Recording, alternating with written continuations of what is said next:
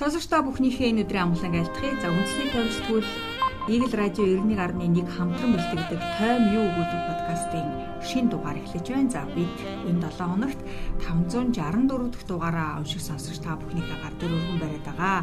Тэгэхээр энэ удаагийн дугаарын маань онцлог сэдв буюу манай сэтгүүлийн коврыг чимсэн гол асуудал бол жижигүүдэд өмхүүлсэн өгөөш гэсэн юм сэдвтэй байгаамаа. Тэгэхээр үнсээ тайм сэтгүүлийн шин дугаарт багтсан онцлог мэдээ мэдээллийн ярилцлагаас танилцуулахаар тайм сэтгүүлийн нийтлэлч таймч шилэг төмөр даваасар нар студид ажиллаж байна. За өдрийн минь төргий.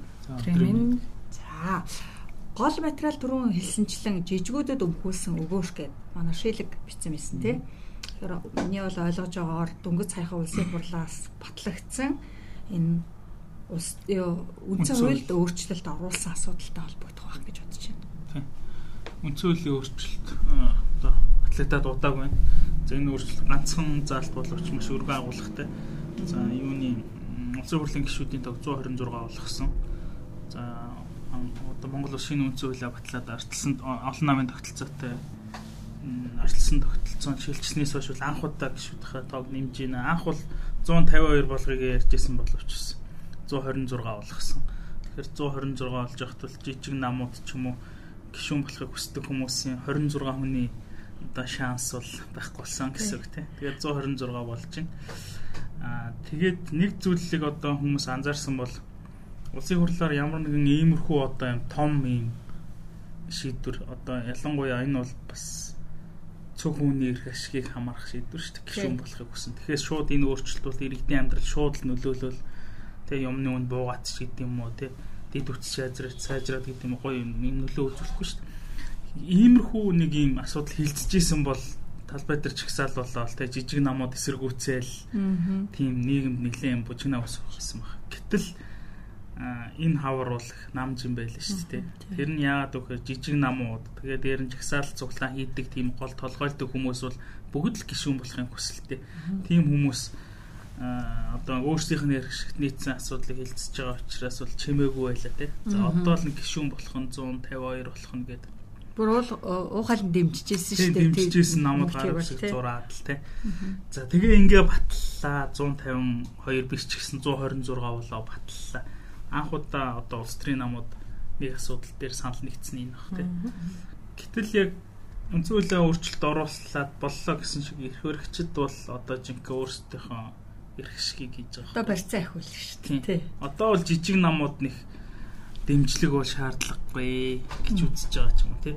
Яг үндсэн хууль дээр бол ялчгүй том асуудал учраас. Одоо дараагийн асуудал сонгуулийн хууль 6 сарын хууль одоо 6 сарын 25-наас өмнө батлана. 23-наас өмнө батлах юм шиг байна. 97 хоногт тий.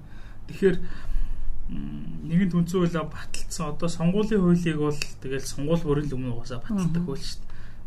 Тэгэхээр одоо нөгөө нэг зааш хүн улсын хурлын гишүүн болох нэ гэсэн жижиг намуудын дарга нар жижиг намуудад халгаатай жинхэнэ хууль хийж байгаа байхгүй. Улсын хурлын сонгуулийн тухай бол яагаад өгөхөр за анх өргөн барих та тий сонгуулийн тухай хуулийг өргөн барих энэ үндсэн хуулийн өөрчлөлт зэрэг явсан шүү дээ. Зэрэг явуулсан ч бас учиртай шүү дээ. Бид нэр ингэх гэж байна. Та нар үзүүлэлтийг дэмжиж гээд. Гэтэ анх өргөн барихад бол улсын хурлын сонгуулийн тухай хуулийн тэр нөгөө чагсаалтаар сонгогдох босго бол 3% байсан байхгүй. За 12 онд бол 5% байсан. 12 онд 5 байсан. Одоо бид нар 3 болгож байна гээл. Тэгээ жижиг намуудыг жинхэнэ хуурж штт. Аа тэнгуут жижиг намууд ингээд мэдээж таатай байна штт. Тэгээ саналаа өгсөн сонгогчдын 3% саналыг авна гэдэг бол намхан болсон байхгүй. За тэгээд яг хуу дээр нь засгийн газраас 2 нам ивсвэл 5%. За 3 болон түүнээс нам ивсвэл 7% гэсэн босоо орж ирсэн. За тэрийг бол жижиг намд усны юм яриаггүй. Гэтэл үндсэн хууль батлагдаад дуусны дараа өнгөрсөн 7 хоногт улсын хурл сонгуулийн тухай хуулиа хэлцэхдээ тэр намуудын 3% босхыг 4 болгочихж байгаа. Аха. За тэгэл одоо жижиг намууд бас амар гэдэг чинь нэлээд шаасгүй. 4 чинь их байхгүй юу? За 10 20 онд гэхэд сая 4 юу тэгээ сая 400 мянган сонгогч одоо саналаа өгсөн. За 24 онд нэг сая 500 сонгогч саналаа өглөө гэж бодъё. Тэгэхээр чин тэрний 15 мянга те 1% нь. За 3% гэдэг бол тэр нам а 45 мянган сонгогчийн санал авлаа гэхэд улсын хурл суудалтай болно гэсэн үг. Гэтэл 1%-аар нэмлээ гэхэд 1% гэдэг чинь бага юм шиг боловч 15 мянган сонгогч нэмэгдчихэж байгаа байхгүй юу. Тэгэхээр 45 мянгаыг хүний саналх байсан бол 60 мянган хүний санал гэдэг амар их. А тэгээд зөвхөн энэ биш. Өөр бас хязгаарлалтууд байгаа. Юун дээр тойрогт 78 хүнээр төвшинтэй. Тэрэн дээр оролцож байгаа нам эвсэл хамгийн багадаа 39 хүнийг нэр төвшүүлсэн байх хэвээр.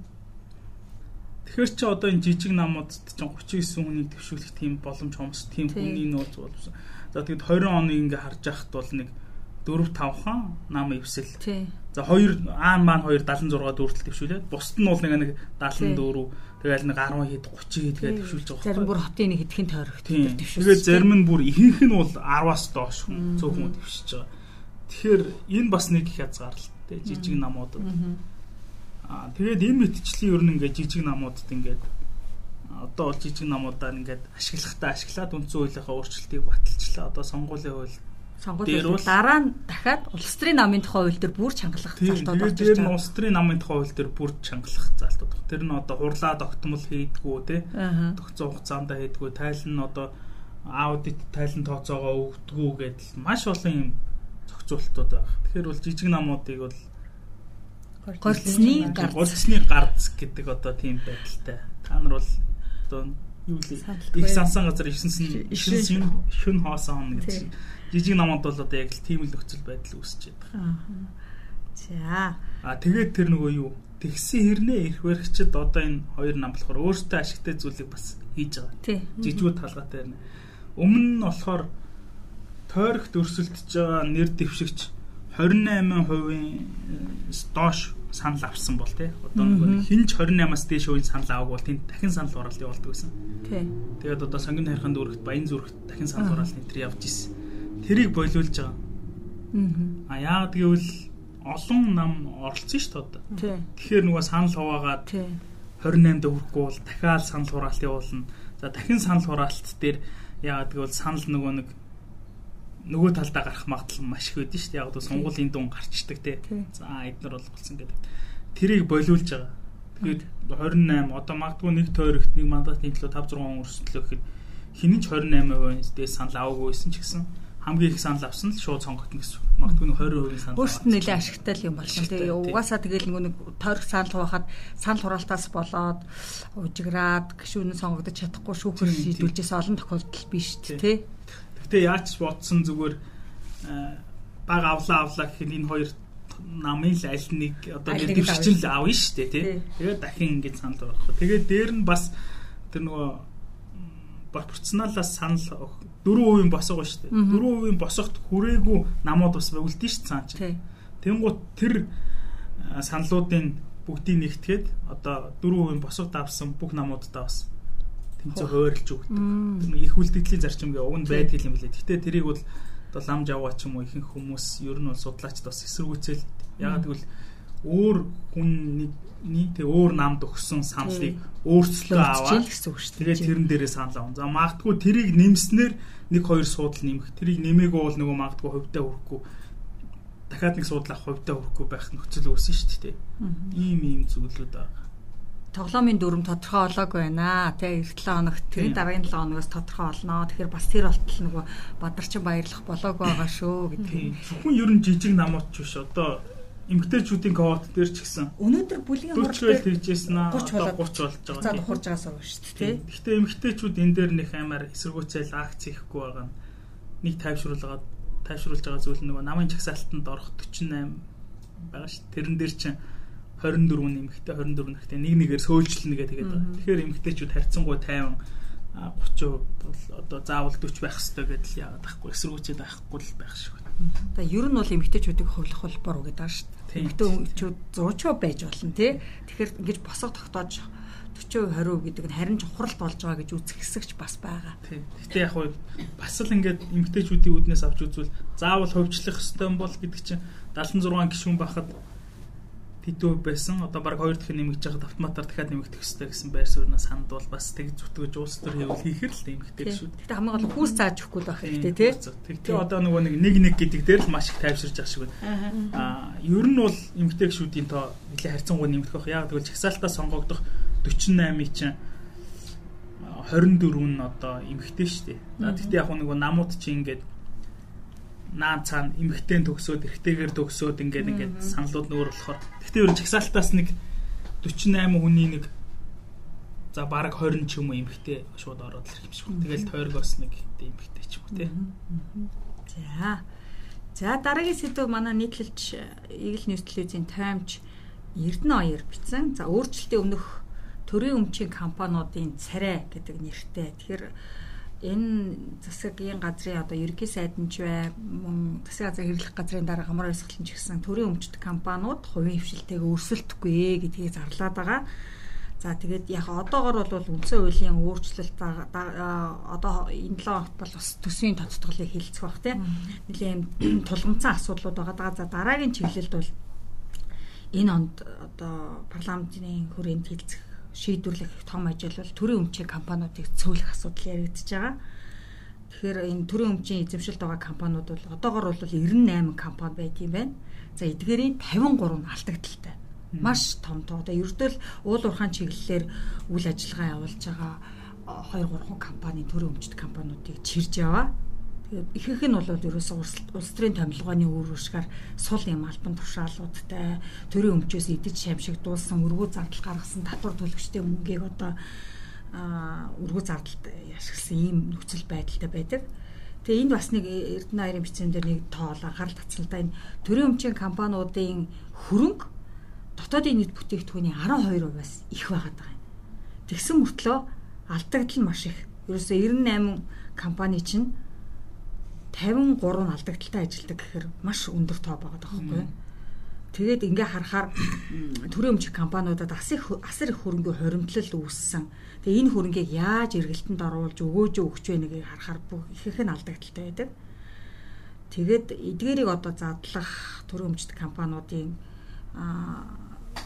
олон нийтийн хяналтанд оруулах юм асуудлууд бол энэ чуулганаар хилцэгдэх юм. За эхний жишээнээс аваад үзэхэд Эрдэнэс Монгол группийн 7 компанийг татан буулгахаар яригдж байгаа.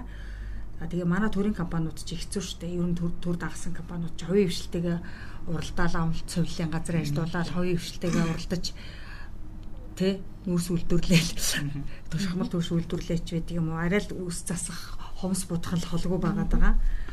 Тэгээ ерөнхийдөө тэр нөгөө нэг сая хамгийн сүлд топ 100 аж ахуйн шагналаар ардуулах тааг нь бол тодорхой хэлсэн тий. Тэрийн аль бодоо хоёрын хвшилтэд өрсөлдөхгүй. Одоо жишээ нь бараг л машин засах Тэгэл жижиг жижиг үйлдвэрлэлийн хувц ойх моёхоос эхлээл бүх юм нэг өөрчлөлтүүд энэ тэрийг болиулна гэдгийгсэн. Тэгээд ер нь төрийн өмчт компанидыг цөөлнө гэ сая хамгийн сүүлд нөгөө нэг 20 аймгийн замд сур арчилтын азаа гэдэг компаниудыг нэгтгэсэн те нэгтгээд нэг болгосон. Энэ мэтэр ингээд аж ахуйн төрийн өмчт аж ахуйн нэгжүүдийг нэгтгэхэд хувьцааг нь олон нийтэд арилж ялах гэдэг төрийн бодлогын явуулчлаа. Нэлээд удаашралтай. Тийм. Эрчим хүчний яамны харьяа 27 компанийг 24 болгоод сангийн яамны харьяа 7 байгууллагыг 5 болгоод за замтээврийн яам хүнс сэдэ аж ахуйн яамны харьяанд байгаа тусбар дөрвөн аж ахуйн нэгжийг хിവэр нүлдэнд гих мэтчлэн юм том тооны өөрчлөлтүүд гарах юм байлээ. За мөн бас ойрын жилүүдэд өөрчлөгдөх нэг зүйл бол IPO гаргах төрийн өмчийн томхон компаниуд байгаа. Өөрөөр хэлбэл Эрдэнэт үйлдвэр, за Эрдэнэс таван толгой, тахны төмөрлөг, хөтлийн цемент шохоо, Мяд компани гих мэтчлэн ийм томоохон аж ахуйн нэгжийг бол одоо олон нийтийн хяналттай IPO гаргах хөрөнгөний биржээр хувьцаагаа нээлттэй арилжах юм боломжоор хангах юм аа. За дараагийн сэдвтэ орыг гурлаа. За хүлээсээс авсрах хүсэл гэд манай залуу сэтгүүлч Нямцрынгийн бичсэн сонирхолтой нийтлэл байна. Тэгэхээр бид нар бол ерөнхийдөө альва юмсаас сутг учир хайхаа болоод амьдрахын мөн чанарыг л ухамсарлах болсон. За минимал гэдэг те аль болох энгийн хэрэглээ те. За төгс төгөлдөрт аль болохоор тэмүүлэхгүй те өөр өөрийнхөө боломж өөр өөрийнхөө хүрээ хязгаар тийм амьдрахыг эрхэмлэх болсон. За эдгээрийн нэг жишээ нь бол альбино буюу нөгөө нэг цагаан хүмүүс гэж бид нэр хэлдэг штеп. Аа одоо тэр чи юу гэдэг юм бэ? Гений өөрчлөлт те өнгөний гений төрөлхийн юм те өнгөний гений өөрчлөлттэй хүмүүс нөгөө нэг арьс уснд нь байдаг пигмент болох меломаны хэмжээ багаас болоод ийм өрмөц дөр төрхтэй нөгөө цагаан устэй, цагаан сормустай, тэ цагаан царайтай юм усуд идэг. Тэгээ эдгэрийн төлөөл болоод энэ булгамаа гэд охинтой тэ жижиг бяцгаа ярилцсан байлээ. Тий тэгээд дан ганц альбино хүмүүс ч гэлтгүй ер нь хүн болгон өөртөө итгэлтэй байх хэрэгтэй. Чи нэгin хэвэн цутгацсан юм шиг те. Заавал тургаа байх албагүй. Чи заавал өндөр байх албагүй. Чи заавал намхан байх албагүй. эсвэл илүүдэлжинтэй байх албагүй хантаж байх албагүй шүү дээ тий. Тэгэхээр энэ өөрөө өөр өөртөө итгэлийг гоо сайхны хэмжүүрт хөлөөлөхөөсөө битгий аагараа. Тэг өөр өөрийнхөө амьдрч чадвал илүү аз жаргалтай гэдгийг бас онцолсон туу сонирхолтой. Ер нь энэ өнөөгийн их нийгмийн стресс тонд өг гэрэл нэмсэн сонирхолтой. Бид нар өөрсдөө хүлэн зөвшөөрөхөөс гадна нийгэм бас их гоё өөрчлөгдөд хүнийг байгаагаар нь хүлэн зөвшөөрдөг болсон байна гэдэг талаар хүнсэн байсан. Тэгээд нийгэм гэлт одоо энэ нөгөө нэг хэсэг чинь ингээл модулууд гэхээрээ л нэг те заавал өндөр туранхай байх хэрэгтэй юм шиг ойлгодог нэг тийм стандарт байсан. А одоо бол тийм шин дэлхийн том том брэндүүд ч гэсэн аль болох тийм те бүдүүн илүүдэлж ин те хүмүүсийг модулаар ер нь бол нормал ч юм шиг нормал. тий. Заавал ингээд нэг те айхтар туранхай айхтар хөрхөн байхаалгүй тийм энгийн рүү дэлхийн одоо хүмүүсийн үзэл хандлага энгийн рүү шилжээд их гоё тийм энгийн шиж байна гэдгийг олон гоё жишээгээр э, оруулж утсан байсан. За. Дараагийн сэдвийг манай салбар сэтгүүлч Лувсын ондон бичсэн. За хог хаягдл бол хог бол хаягдл биш юм аа гэдэг сэдвээр хөндөж бичсэн байлээ. Тэгэхээр бид нар бол хог хаяглыг дахин боловсруулах за байгаль дээлтэй байх талаар бас цуврал нэлээд олон материалууд бичсэн. Тэгэхээр бас энэ лусагийн жишээн дээр бол материал дээр бол гадны орнуудын бас нэлээд жишээнүүдийг дурдсан байлээ тийм монголчууд бол одоогоор бас хог хаяглаа ангилан ялгах тал дээр учир дутагдaltaй байгаа. Яг жилээс жилд бас сайжраад тодорхой нөгөө нэг хогийн хог ангилан ялгаж авдаг цэгүүд үсээ за шин тутам байгаа орос үсний хорооллууд бол гаднаа бас хог ангилан ялгадаг тийм хогийн савнууд байршуулад идэрхэлж байгаа. Тэгтээ бол одоосон жишгт хүртэл бас хол жишээлбэл энэ Швед улс өнгөрсөн 7 хоногт бас ярьж ирсэн манай лусагийн материал дээр бас яригдсан. Швед улс одоо хогоо дууссан. Дотооддоо нөгөө хог аягдал боловсруулдаг үйлдвэр нь бүр хог хог аяглаа одоо боловсруулах юугүй болоод гаднаас хог импортлж авч байгаа жишээ хүртэл байна тий. Аа тэгээд энэ Австри улс бол гялгар утнаасаа бүрэн ангиж ирсэн байна. За бүгд найрамдах Солонгос улс Тэ өмнөд солонгос бол нэг удаагийн аяг хуванцар сорол хэрэглэгээ бол бүрэн бүтэн татгалзсан. За за Герман улс хог хаягдлынхаа 67.1%-ийг дахин боловсруулдаг болсон гэх мэтчлэн ойрын тэгтээ маш тийм сонирхолтой амьдралд ойрхон юм жишээнүүдтэй материал үлээ. Гэтэл манай улс их сонирхолтой тоо байсан нь Монгол улс жилд 3.4 сая тонн хог хаягдл одоо гаргадаг юм байна л да. Тэгээд уг нь бол одоо тэгээ энэ нэг секундэд бид 107 кг хаваа игдэл 1 секундэд 1 секунд улс даяараа улс даяараа. Тэгээд э, харамсалтай нь тэдгэрийн ерөөсө 3-аас 4%-ийг нь л дахин боловсруулдаг. А уг нь бол 50 орчим хувийг нь дахин боловсруулах боломжтой гэж байна. Тэгээ яг яагаад боловсруулж чадахгүй байгаа даа гэхээр ерөөсөө л нөгөө хогоо англин ялгаж чадахгүй байгаа, ангилж ялгаж чадахгүй бөөнд нь хаяад байгаатай холбоотойгоор маш их хог хөрс ус агаарыг бохирдуулж хүн мал амьтанд хөнөөл болж гинэ гэсэн агуулгатай байсан. Тэгээд дахин боловсруулахгүй гэхээр тэр тэгэл дарагдаал тийм хөрсийг асар хэмжээгээр бодуулж байгаа шүү дээ. Манайх ч яг нүднээс даалд ингээл нэг улаад л ингээд гууж алга гууж алга бараад болоод хайчиж чинь. Энэ нөгөө далайн орнууд бол одоо жишээлбэл Индонез ч байдаг юм уу те? Маш их хог хаягдaltaй те? Ингээд далайг бохирдуулсан далаа нь ерөөсөө далайн эрэг хаваараа ингээд хуунцар хөвжээдэг тийм байдалтай болцсон. Тэгээд өнгөрсөн 7 хоногт бас нэг мэрэгчлийн үнээс уур амьсгалын өөрчлөлтийн талаар тодруулга авч байхад сүүлийн жилүүдэд энэ нэг уур амьсгалын өөрчлөлт хөрсний бохирдолд маш хүчтэй нөлөөлж байгаа нэг хүчин зүйл нь хог аягдал гэж байгаа байхгүй юу. Өмнө нь бол хизээч хог аягдлыг хөрс агаарт нөлөөлөх хүч хэмжээнд гэж үзэж байгаагүй. Тэгээ сүүлийн жилүүдэд бол энд анхаарахгүй бол аймгийн төвийнхөө газар нутагтай дүйц хүч хэмжээний хогийн жалгатай тийм том хэмжээний хог үүсчихсэн аймагуд маш олон байна гэж ярьж ирсэн. Тэгэхээр бас анхаарах асуудал сав баглаа бодол гэдэг юм бол маш их хог тарьж байгаа шүү дээ. Чихэр болгоныг нэг уутанд одоо бид нар түргэн хоол идэр ингээл аваад идэх бүх юм нэг нэг уутанд гэлгэр уутанд толцсон. Тэр чинь задраал задраал дандаа хог болоод. За дараагийн сэдв манай давсар өөр бичсэнсэн тий. Ангаахаага аюул төтлөхүү гэд хүүхдийн цахим хэрэглээтэй холбоотой. Үгүй эцэг эхчүүд хүүхдээ өгөхөрдөл фэйсбુક дээр инстаграмда зургийг хийдэг. Тэр байтугай бүр хүүхдийнхээ инстаграмыг хөтэлдэг ээж аваад байдаг. Хүүхдээ инстаграм нэгэд хэлсэн. Тэгэд энийг яг ингээд гоё юм шиг гоё юм шиг тэгээ хүүхдээ нэг талаар дурсамж бүтээгээл үгүй бол хүүхдийнхээ баг насыг хадгалаад байгаа юм шиг ойлгоод байдаг. А гítэл энэ нь хүүхдэд нь маш тийм алсуура том сүүдэр тусгаж идэг юм байна. Тэгээд урд цагт ч юм бол одоо шууны сүдрэнд ч өндгөө шууны өндгөнд сүдрээ тусгадгүй гээл тэгдэг байсан шүү дээ. Одоо бол эцэгчүүд өөрсдөө хүүхдүүдээр сүдэр тусгаад байна бид гэдэг агуулгатай нийтлэл байгаа. Тэгэд саяхан бас Франц улс энийг хориглосон байгаа байхгүй хүүхдийн зургийг дураараа нийгмийн сүлжээнд нийтлэхийг хориглоод. Тэгээ энэ яаж юм гэхээр 13 нас хүүхэд хүрэхэд яг өөртөө нь холбоотой 1300 13 мянга лөө 13 мянга санагч байна. Орчим зураг пост байна. Аль хизээний нийгмийн сүлжээнд байршсан байна гэж байхгүй. Тэгээ нэг талаараа хүний ирэх нөгөө талаараа бас гимт хэрэг өгөөш болж байна л доо. Зайлан өөр тэгэл маш тийм ноцтой ноцтой дээр юм болоод явчих шүү дээ. Хүүхдийн хуцаад ирэн. Тэгээ бэлгийн хүчрхийллийн гимт хэргийн за 50 орчим хувь нь нөгөө ээж аавынх нь оруулсан зургаас үүдэлтэй сэтэлжүүлсэн байна гэдэг айхтар айхтар тоо байсан. Тэгээ би ч бас их хүүхдийн зургийг оруулдаг хүн болох хэвээр байна гэж ойлгосон. тийм бас хязгаар байж болно. Тийм. Энэ бас альбомны соёл гэдэг бид нар нэг дээр үед хүн гэл гэрт гीच ирэхрөө манай гэр альбомыг үзгээл те бэлгээл үзүүлдэг тэнд нөгөө хүүхдийн нандин дурсамжууд зураг угаалгаад гэсэн нандин дурсамжууд байдаг. Тэр соёлдоо эргээд нэвтрэх хэрэгтэй. Мэдээч хүүхдийн дурсамжийг бүтээгээд хүүхдийн зургийг авлаггүй яг хөө гэхдээ тэрийг хин нэг нь танихгүй өн цахим орчинд биш харин гэрийнхаа альбомонд хадгалдаг. Хадгалдаг байя. Тэгээд гэрэл зураг хамаг бүхэн шороо мэт үлээ. Хамаг бүхэн бороо мэт арилавч. Харин гэрэл зураг шороо мэт үлдэнэ гэдэг ш тэр шиг магадгүй цахим орчинд нэг л өдөр хакердуулдаг хамаг зурагчаа алга болдог харин цаасан дээр хевлээд авсан зүйл ч юм уу хүлдэх юм шүү. Гэдгийг бас сануулхад илүүдэг баха. За дараагийн сэдв болохоор манай нийтлэлч Эрдэнэ чимэг бичсэн байсан те. Чи ганцаараа шилждэг өгөө бас тун сонирхолтой сэдв.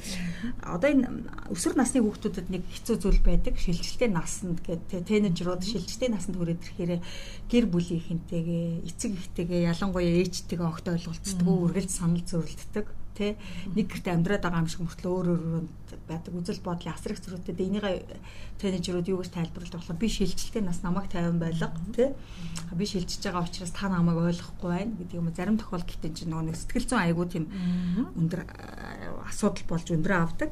А гэтэл өсвөр үеийнхэнд хандаж хэлэх зүйл бас эрдэнэ юм бичсэн байлаа байлээ.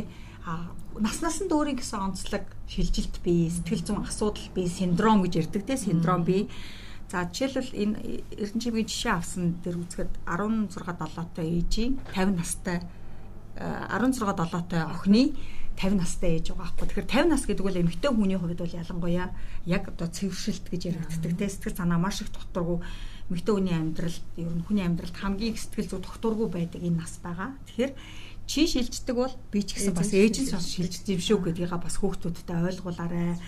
А тэгэхгүй ганцаараа хүүхд ингээд өөрийгөө л сэтгэл зүйн асуудалтай байна гэж хэлж яваад байдаг. Ээж ч гэсэн тийм бас нэг үеийг даван тулаа шилжиж идэг. Тэгэхээр бас ингээд эмэгтэй хүний цэвэршилтийг бол бас нөлөө ангаахын талаас ч нэлээд хүнд асуудал гэж үздэг. За тэгэл сэтгэл санаа докторгүй болох бие махбодын ч гэсэн маш олон өөрчлөлт даван туулдаг юм шүү гэдгийг бас хүүхдүүдтэй ойлгуулаарай. За цэвэршилтийг тэгээд заавал энэ байгалийн жамаараа явагдаж байгаа зүйлийг хойшлуулах боломжгүй юм уу сонирхолтой юм тийм оновчтой биш юм оновчтой gaйл одоо ийм бэлтгэл даавар янз бүрийн юмнууд одоо юудаг хугацааг нь сөрөх тэр утгаар шилэг минь ирчүүч ч гэсэн яг тэр насан дээр бас зөвшөлт юм биш шүү. Бас аавыгаа ч гэсэн ойлгоорой гэдэг. Өсвөр насныхаа тэнэжрүүдэд хандаж хэлэх зүйл байгаа. Ирчүүч ч гэсэн бас одоо тодорхой хэмжээгээр манай ирчүүд нэг 50-аад настай болоод ирэхээр нэлээд аалцсан тарахтай болоод хэлдэг. За энэ бол бас гормоны өөрчлөлт явагдаж байгааг нэг шинж юм байлээ шүү. Бас сэтгэл готролд маш их тохиолддог. Анхаарал төвлөрөлт нь муудан, за мартамхай болно гэх мэтчлэн зарим сүүлийн үед зарим нэг ирчүүд болохоор энийхээ короногийн нөгөө нэг халдвартай холбооч тайлбарлаад байгаа. Үгүй энэ өөрт чи гормоны өөрчлөлт явагдаж байгаагийн нэг хэлбэр юм шүү. Манай Эрка бол энийг бичдэг бас нэлээд олон тий ардын уламжлалт болон сэтгцийн эрүүл мэндийн за дэмжлэлийн гэх мэт олон эмч нараас бас байр суурийн байр суурийн гэж эдний одоо ингээд эмч нар чинь судалгаатай байгаа шүү дээ тий энэ баримт дээр тулгуурлаж бичсэн байлээ. Тэгэхээр бүгдээрээ шилжиж байгаа шүү. Бүгдээрээ бие биенийхээ одоо сэтгэл зүг хайрлаад ойлголцож амьдрах хэрэгтэй баха. За дараагийн сэдв бас нэг талаараа энэ юутай сэтгэл зүйн эрүүл мэндтэй бас холбогдно. Манай соронгоо болоо энэ чиглэлээр бас нэлээд туршлагатай, сонирхолтой материалууд цувралаар оруулдаг. За энэ удаад mm -hmm бид сошиал орчноос гэдэг мөн мэдээ мэдээл дотроос дандаа булангартайг түүж уншаад авчтай мэдээлэл биендээ дамжуулаад байна гэдэг сэдвэр булангартай мэлмээ гэд сэдвэр хүндсэн байгаа. За тэгэл өнгөрсөн 7 хоногт чинь нөгөө нэг эний төрчин 7 хоногт болж таарах нь тий тоглолт үзэж байгаа хүмүүсийг нөгөө Вандибогийн зоны зугаа гэдэг тоглолт үзэж байгаа хүмүүсийг жишээлбэл талбай дээр очиж чагсангүй яхаар ямар нүрээрээ тоглолт үзээд байж идгийг тий миний бодлоор бол ер нь бол залуу нас 10 хэд нас гэдэг чинь 30 нас хүртлэе бол хүн ер нь жагсаж цуглаад яах юм бэ гэж бодчих. Тэр хүн тэр залуу насыг хайрлж дурлахад тий хөгжиж хөгжилтэй байхад за мэдээж сурч боловсралгүй яах вэ? Сурч боловсрно, танин мэдлгүй яах вэ? Тэгтээ нөгөө ста зуны зугаатай л байх хэрэгтэй шүү дээ. Тэгэхэд заавал орны нийгмийн эдийн засгийн улс төр руу чирж оруулах нь өөрөө готомшигтай. Тэгэхээр юм болгоныг энэ шөөмжилдэг өнцгөөсөө жоохон татгалзаачаа ялангуяа тэр залуучуудад бол энэ эрх чөлөөг нь олгооч ээ гэсэн агуулгаар бичсэн байсан. Тэгээд ер нь бол цахим орчинд та юу нийтэлж бичиж байна гэдэг бол таны тойл. За юу олж харна гэдэг нь тэг олж харна гэдэг нь тэг бусдыг одоо ингээд тэр ингээд хар бараа мэдээлэл хар бараан зүйлийг хуваалцах тусам та өөрөө тэр сөрөг сэтгэлдээ илүү орооцолдоод байгаа шүү. Тэгээд дээр нь хиймэл оюухан өөрөө чи сонирхож байгаа бүх зүйлийг л санал болгоно. Чи тийм дургуулах нь тийм сонирхол байвал тэгэл. Бид нар шиг дэлгүүр ороод онлайн чи нэг фэйсбુક төр ч юм уу нэг За нэг юм гээл нэг шопоос нэг юм хайжгаад би нэг ухаалаг цаг үзчихлээ нэг даралт март хэмжиж тийм болоо гэж бодоод. Тэгсэн жил ерөөсөө одоо бүх дэлгүүрийн битүү ухаалаг одоостай iWatch-ийн оргиос нь ахуулаад хулигцааг хүртэл бүх юм ингээд автоматар орж ирээд байгаа байхгүй. Яг тэр шиг ингээд сүргийн музей сүргийн хараал байвал таймлайнаар дүүрэн юм болж ирээд байна. Тэгээд нөө зан сайтай айлд хүн бүхэн цугладаг, замаг сайтай нуран загас болгон цугладаг гэдэг шиг л фэйсбુક дээрээс айтаахан мэдээлэл олж хараас гендерс тэгээд ивэл танд айтаахны л харуулад байна. Тийм за. Өөрийгөө энэ бас хамгаалах боломж шүү гэдгийг. За сарангогийн бас дахиад нэг нэвтрэл материал хурдаж орсон юм байна те. Анхаарал а бүтээмжийн сарнилт гинэ. Сүүлийн жилүүдэд ажил олгогч байгууллагууд бүтээмж гүйцэтгэл сайтай доктортой ажлыг ажилтныг илэрхийлэх бас эрэлхийлэх болсон. Учир нь ажилчид бүтээмж өндөртэй байх нь байгууллагын орлого ус хуримтлал хөрөнгө оруулалтын хэмжээг нэмэгдүүлэх давуу тал Гэтэл ажилтны бүтээмжийг хэрэг ер нь муу байгаа. Бүтээмжид юу сөргөөр нөлөөлдөг талаар бас бичсэн байна. Бүр сэтгэл зүйн шинжилгээ ухаанд энийг за эмгэгч хэн хаашийн анхаарал сарнилтын хам шинж гэж нэрлэдэг. Ингээ анхаарал ерөөсө тогтож чадахгүй байгаа. Ерөөсө бүтээмжийг хамгийн их чангааж байгаа зүйл чинь л тэр анхаарал төвлөрөлт муу ах явдал юм байна л да. Анхаарал төвлөрөхгүй байвал бүтээмж муу байна. Гараас юм гарахгүй байгаа.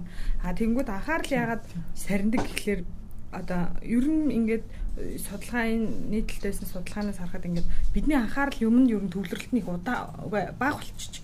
Энэ нийгмийн сүлжээ мүлжээ одоо ингээд нөгөө short богино видео медианууд ч бас төлөвлөдөг байна шүү дээ. Ингээд нэг 15 секунд нэг юм төвлөрөөл гүйлгээл ингээд 3 секунд төвлөрөөл гүйлгээл ахаар. Тэгээ энэ яваа яваанда бид нар өөрийн мэдлэлтэй мэдлгүүгээр анхаарал сарнилтын хам шинж гэдэг юмд бас өртцсөн байж болзошгүй. Тэгээд Хэрв тийм бол тэрийгээ өөрийгөө онцлоод эмчлэх тал дээр анхаарад Тэнд өртцөн өртцөн. Өнөөдөр бол одоо жишээлбэл манай ажилтаа ойрхон талбай усан ориглуурын дуу чимээ бол намайг үнэхээр ажил хийхгүй байна. Би ингээл. Word ч юм бич сууж байгаа нэг мэдхэд Facebook-ийг ингэсэн байж идэв шүү. Би бас тэгээд. Тэгээ энэ маань бидний бүтээмжийг, цагийг маш их Тэгэхэд яг төвлөрөөд яг төвлөрөөд за бүх фэйсбુક гэж байдаг юм уу?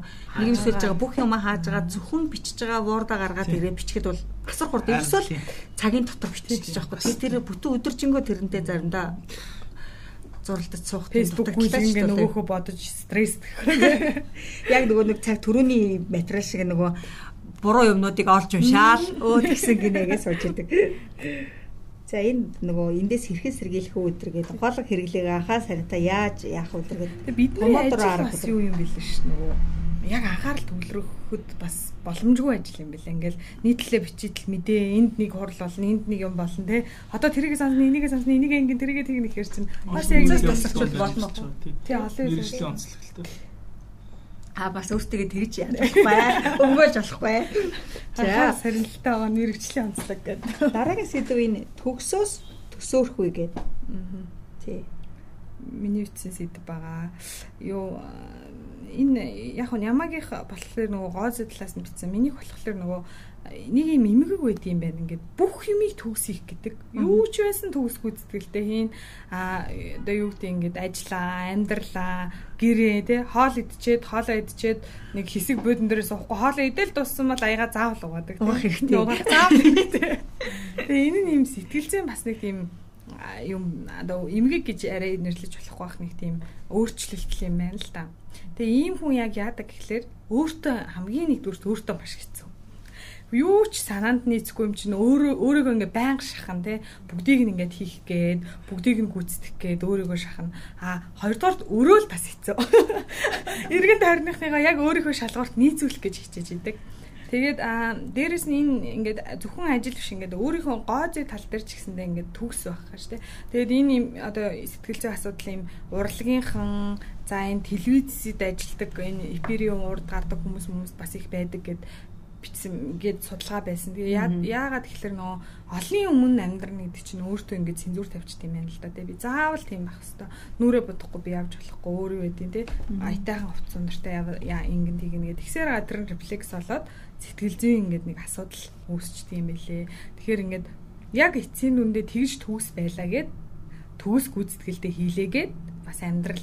Яг тийм байнгын сайхан байгаад ахгүй өөрийгөө зарим зүйлээс чөлөөлөх нь сэтгэл зүйн эрүүл мэндийн талдаа өвчтэй юм билээ шүү. Өөртөө алдах эрх болгоо гэж байна шүү. Дээ. Манай нөгөө Нямбатар сайд ч нөгөө солонгос нөгөө э, солонгос нөгөө хоолны стрит фуд идэж явж байгаа нэг нэгэн сүлжээгээр тэр зөвлөдөө нэгэн сүлжээгээр зурган төгөөд баахан шөмжилсэн чигүй би хүн юм чинь хүн юм чи би бас муу гэж болно гэдэг. Хаяа бас муу ахэр өөртөө олгоо гэдэг.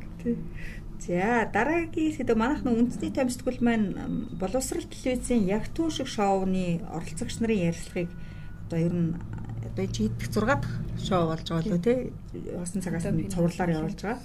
Тэгээ энэ өнгөрсөн өчигдрийн ням гаргийн дугаарт 3 охин амтлагийн дуучин Ану төрүүлсэн. Тэгээ Анугийн ярилцлагыг шоуны одоо 5 дахь улирал явуулж байгаа юм шүү дээ тий тэгээ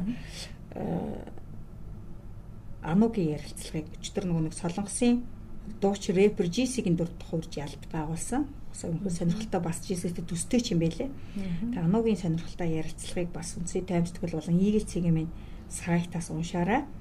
Тэгээ Ану бол бас энэ тэмцээнд орж байгаагаараа орж байгаа тухайга бас сонирхолтой зүйлүүдийг өгүүлсэн байлээ. Бас их хичээж байна. Огт өөр тэ өөрийгөө сорьсон юм чухал зүйл болж байна гэдгийг бас онцлсан байлээ. За дараагийн сэдвийг нь урлаг болонд уран зураг дах 7 өнгө гэсэн материал би бичсэн. Тэгэхээр ер нь бол яг хорвоо ертөнцид олон өнгө байдаг ч гэсэн тэр болгоныг эхний одоо хүн төрлөختөө анх хадны сүг зураг зураад эхлэхдээ бол яг одоо байгальд бэлэн байгаа шороо юм уу буддаг гэсэн. За тэгэл зураг хөгжүүл ингээд эхлэхэд тодорхой хэмжээгээр тухайн үед нөө химийн будаг будагч эрдэс бодисыг арахан судалж чадаагүй химийн олон өнгийн будгийг яг ингээ байгаль дээр байгалийн өнгө байгаа мөртлөө тэрийг яг будгаар гаргаж ирэхэд бол олон мянган жилийг бас туулсан. Тэгээ энэ явцдаа маш олон янзын сорил туршилтууд магадгүй зарим нь өөртөө эрүүл мэндтэй те халтай зүйлүүд ч бас хийдэг байсан байлээ. Жишээлбэл энэ фрусийн цэнхэр гэдэг одоо номин цэнхэр өнгийг гаргаж авахын тулд энэ 1700 оны үед Берлинд одоо хими лабораторид одоо осол гарч иж тэр өнгө санамсаргүй байдлаар гаргаж авсан байх жишээтэй тий. Аа тэгээд нөгөө нэг Наполеоны ногоон гэдэг нэг өнгө байдаг шүү дээ. Одоо манайхан одоо шилхийн гар утасны яг өнгө юм л да. Ямар хар ногоон гэх юм уу тий. Хар ногоон өнгө нэг хэсэг манайхан ч нэг обо мобо нэг баристранууд хөшгөө өдрөө ногоон болгоос энэ өнгө Наполеоныг үхэлд хөргөсөн гэж Наполеон Бонапартыг үхэлд хөргөсөн гэж үздэг заримдаа ярьдаг. За яагаад тэгэхээр энэ хүнцлийн ногоон гэж ярьдаг юм л энэ өнгийг гаргаж авахын тулд хүнцэл хэмжээгээр ашиглаад тэгээ Парист нэг хэсэг яг тэр үед болохоор ингээд яг ийм өнгө модонд ороод хатагтаа нар ийм өнгийн ийм хар ногоон өнгийн даашин зүмсүүд а юуныхаа өөрөө таслахааныхаа доторхыг юм өнгийн хобоо тэ эсвэл будгаар будаад тэгвэл тэр хүнцэл тодорхой хэмжээний юмыг тохируулж чадахгүй л байхгүй тухай үед шинжлэх ухаан хөгжөөгөн тэгээ энээсээ болоод ухтуудаа хугацааны туршид энэгээр амьсгалаа тэр палажик хүмүүсүүд ингээд хар хүнцлийн хордлогод ороод бүхний ногоон гэж хэрэгцдэг юм өнгөсөн гих мэтчлийн юм 7 өнгийн юм ямар ийм алдагтаа уран зургууд байгаа юм л да сэтгүүлээс маань одоо магадгүй эсэх хугацааны дараа Eagle цэгийн сайтад бас материал маань тавигдана. Тэгэхээр энэ жишээлбэл Джон Сингер Sargent гэдэг зураач Madame X гэдэг зураг 1883 оны зураг маш алдартай. Энэ дээр бол тийм цасан цагаан царайтай эмэгтэй хар хатлаасан палаж өмссөн байдалтай төрслөгдсөн. За тэгээд энэ зураачийн эмэгтэй энэ арсыг арсыг ингээд цасан цагаан тий бүр юм цасан цагаан арстай болгож харагдуулахын тулд гойлог бэлхүүстэй болгож харагдуулахын тулд энэ палажийн атласан хар гэж хэлдэг шүү дээ. Тийм гэлгар бодлоос арт болгож харагдуулахын тулд хар будгаа юугаар тодтгосон юм ясан хар гэдэг юм байна л да энэ өнгийн. Энийг яаж гаргаж авсан гэхээр шарил чандралах зууханд үлдсэн үнсийг цагаан туглаг сарнаа ягаан, шунхан улаан, хором ногоон өнгөттэй холжиж гаргаж авсан. Яг жишээтэй тий. Ийм олон жишээнүүд байдаг юм байлээ. Тэгээд маргад ногоон өнгөч байдаг юм уу? Эсвэл одоо энэ бас нэг юм зураачи white gold гэдэг юм цагаан палачтай бүсгүн зураг байгаа. За энэ цагаан өнгийг гаргаж авахын тулд бол малын алгацсан дотор тий цагаан тугалгыг малын алгацаар одоо ингэж нэмж ингэж хар хар тугалганы карбонат ашигладаг тийм ингээд малын алгац цагаан тугалгач гэдэг нь маш тийм сонсоход маш эвгүй эвгүй найрлахуудыг нийлүүлж иж ийм өнгөнүүд гаргаж авдаг. Тэгэд маш олон зураач одоо бол яг нь өнгө чинь бол аюулгүйч байдаг юм уу? Хим технологи хөгжөөд ингээд ихэлц болохоор хүссэн өнгөө гаргаж аваад гэж тухайн үед бол энэний чинь ирж хайж ийм өнгө гаргаж авахын тулд магадгүй амиа өргөсөн зураач нар ч байгаа шүү дээ. За.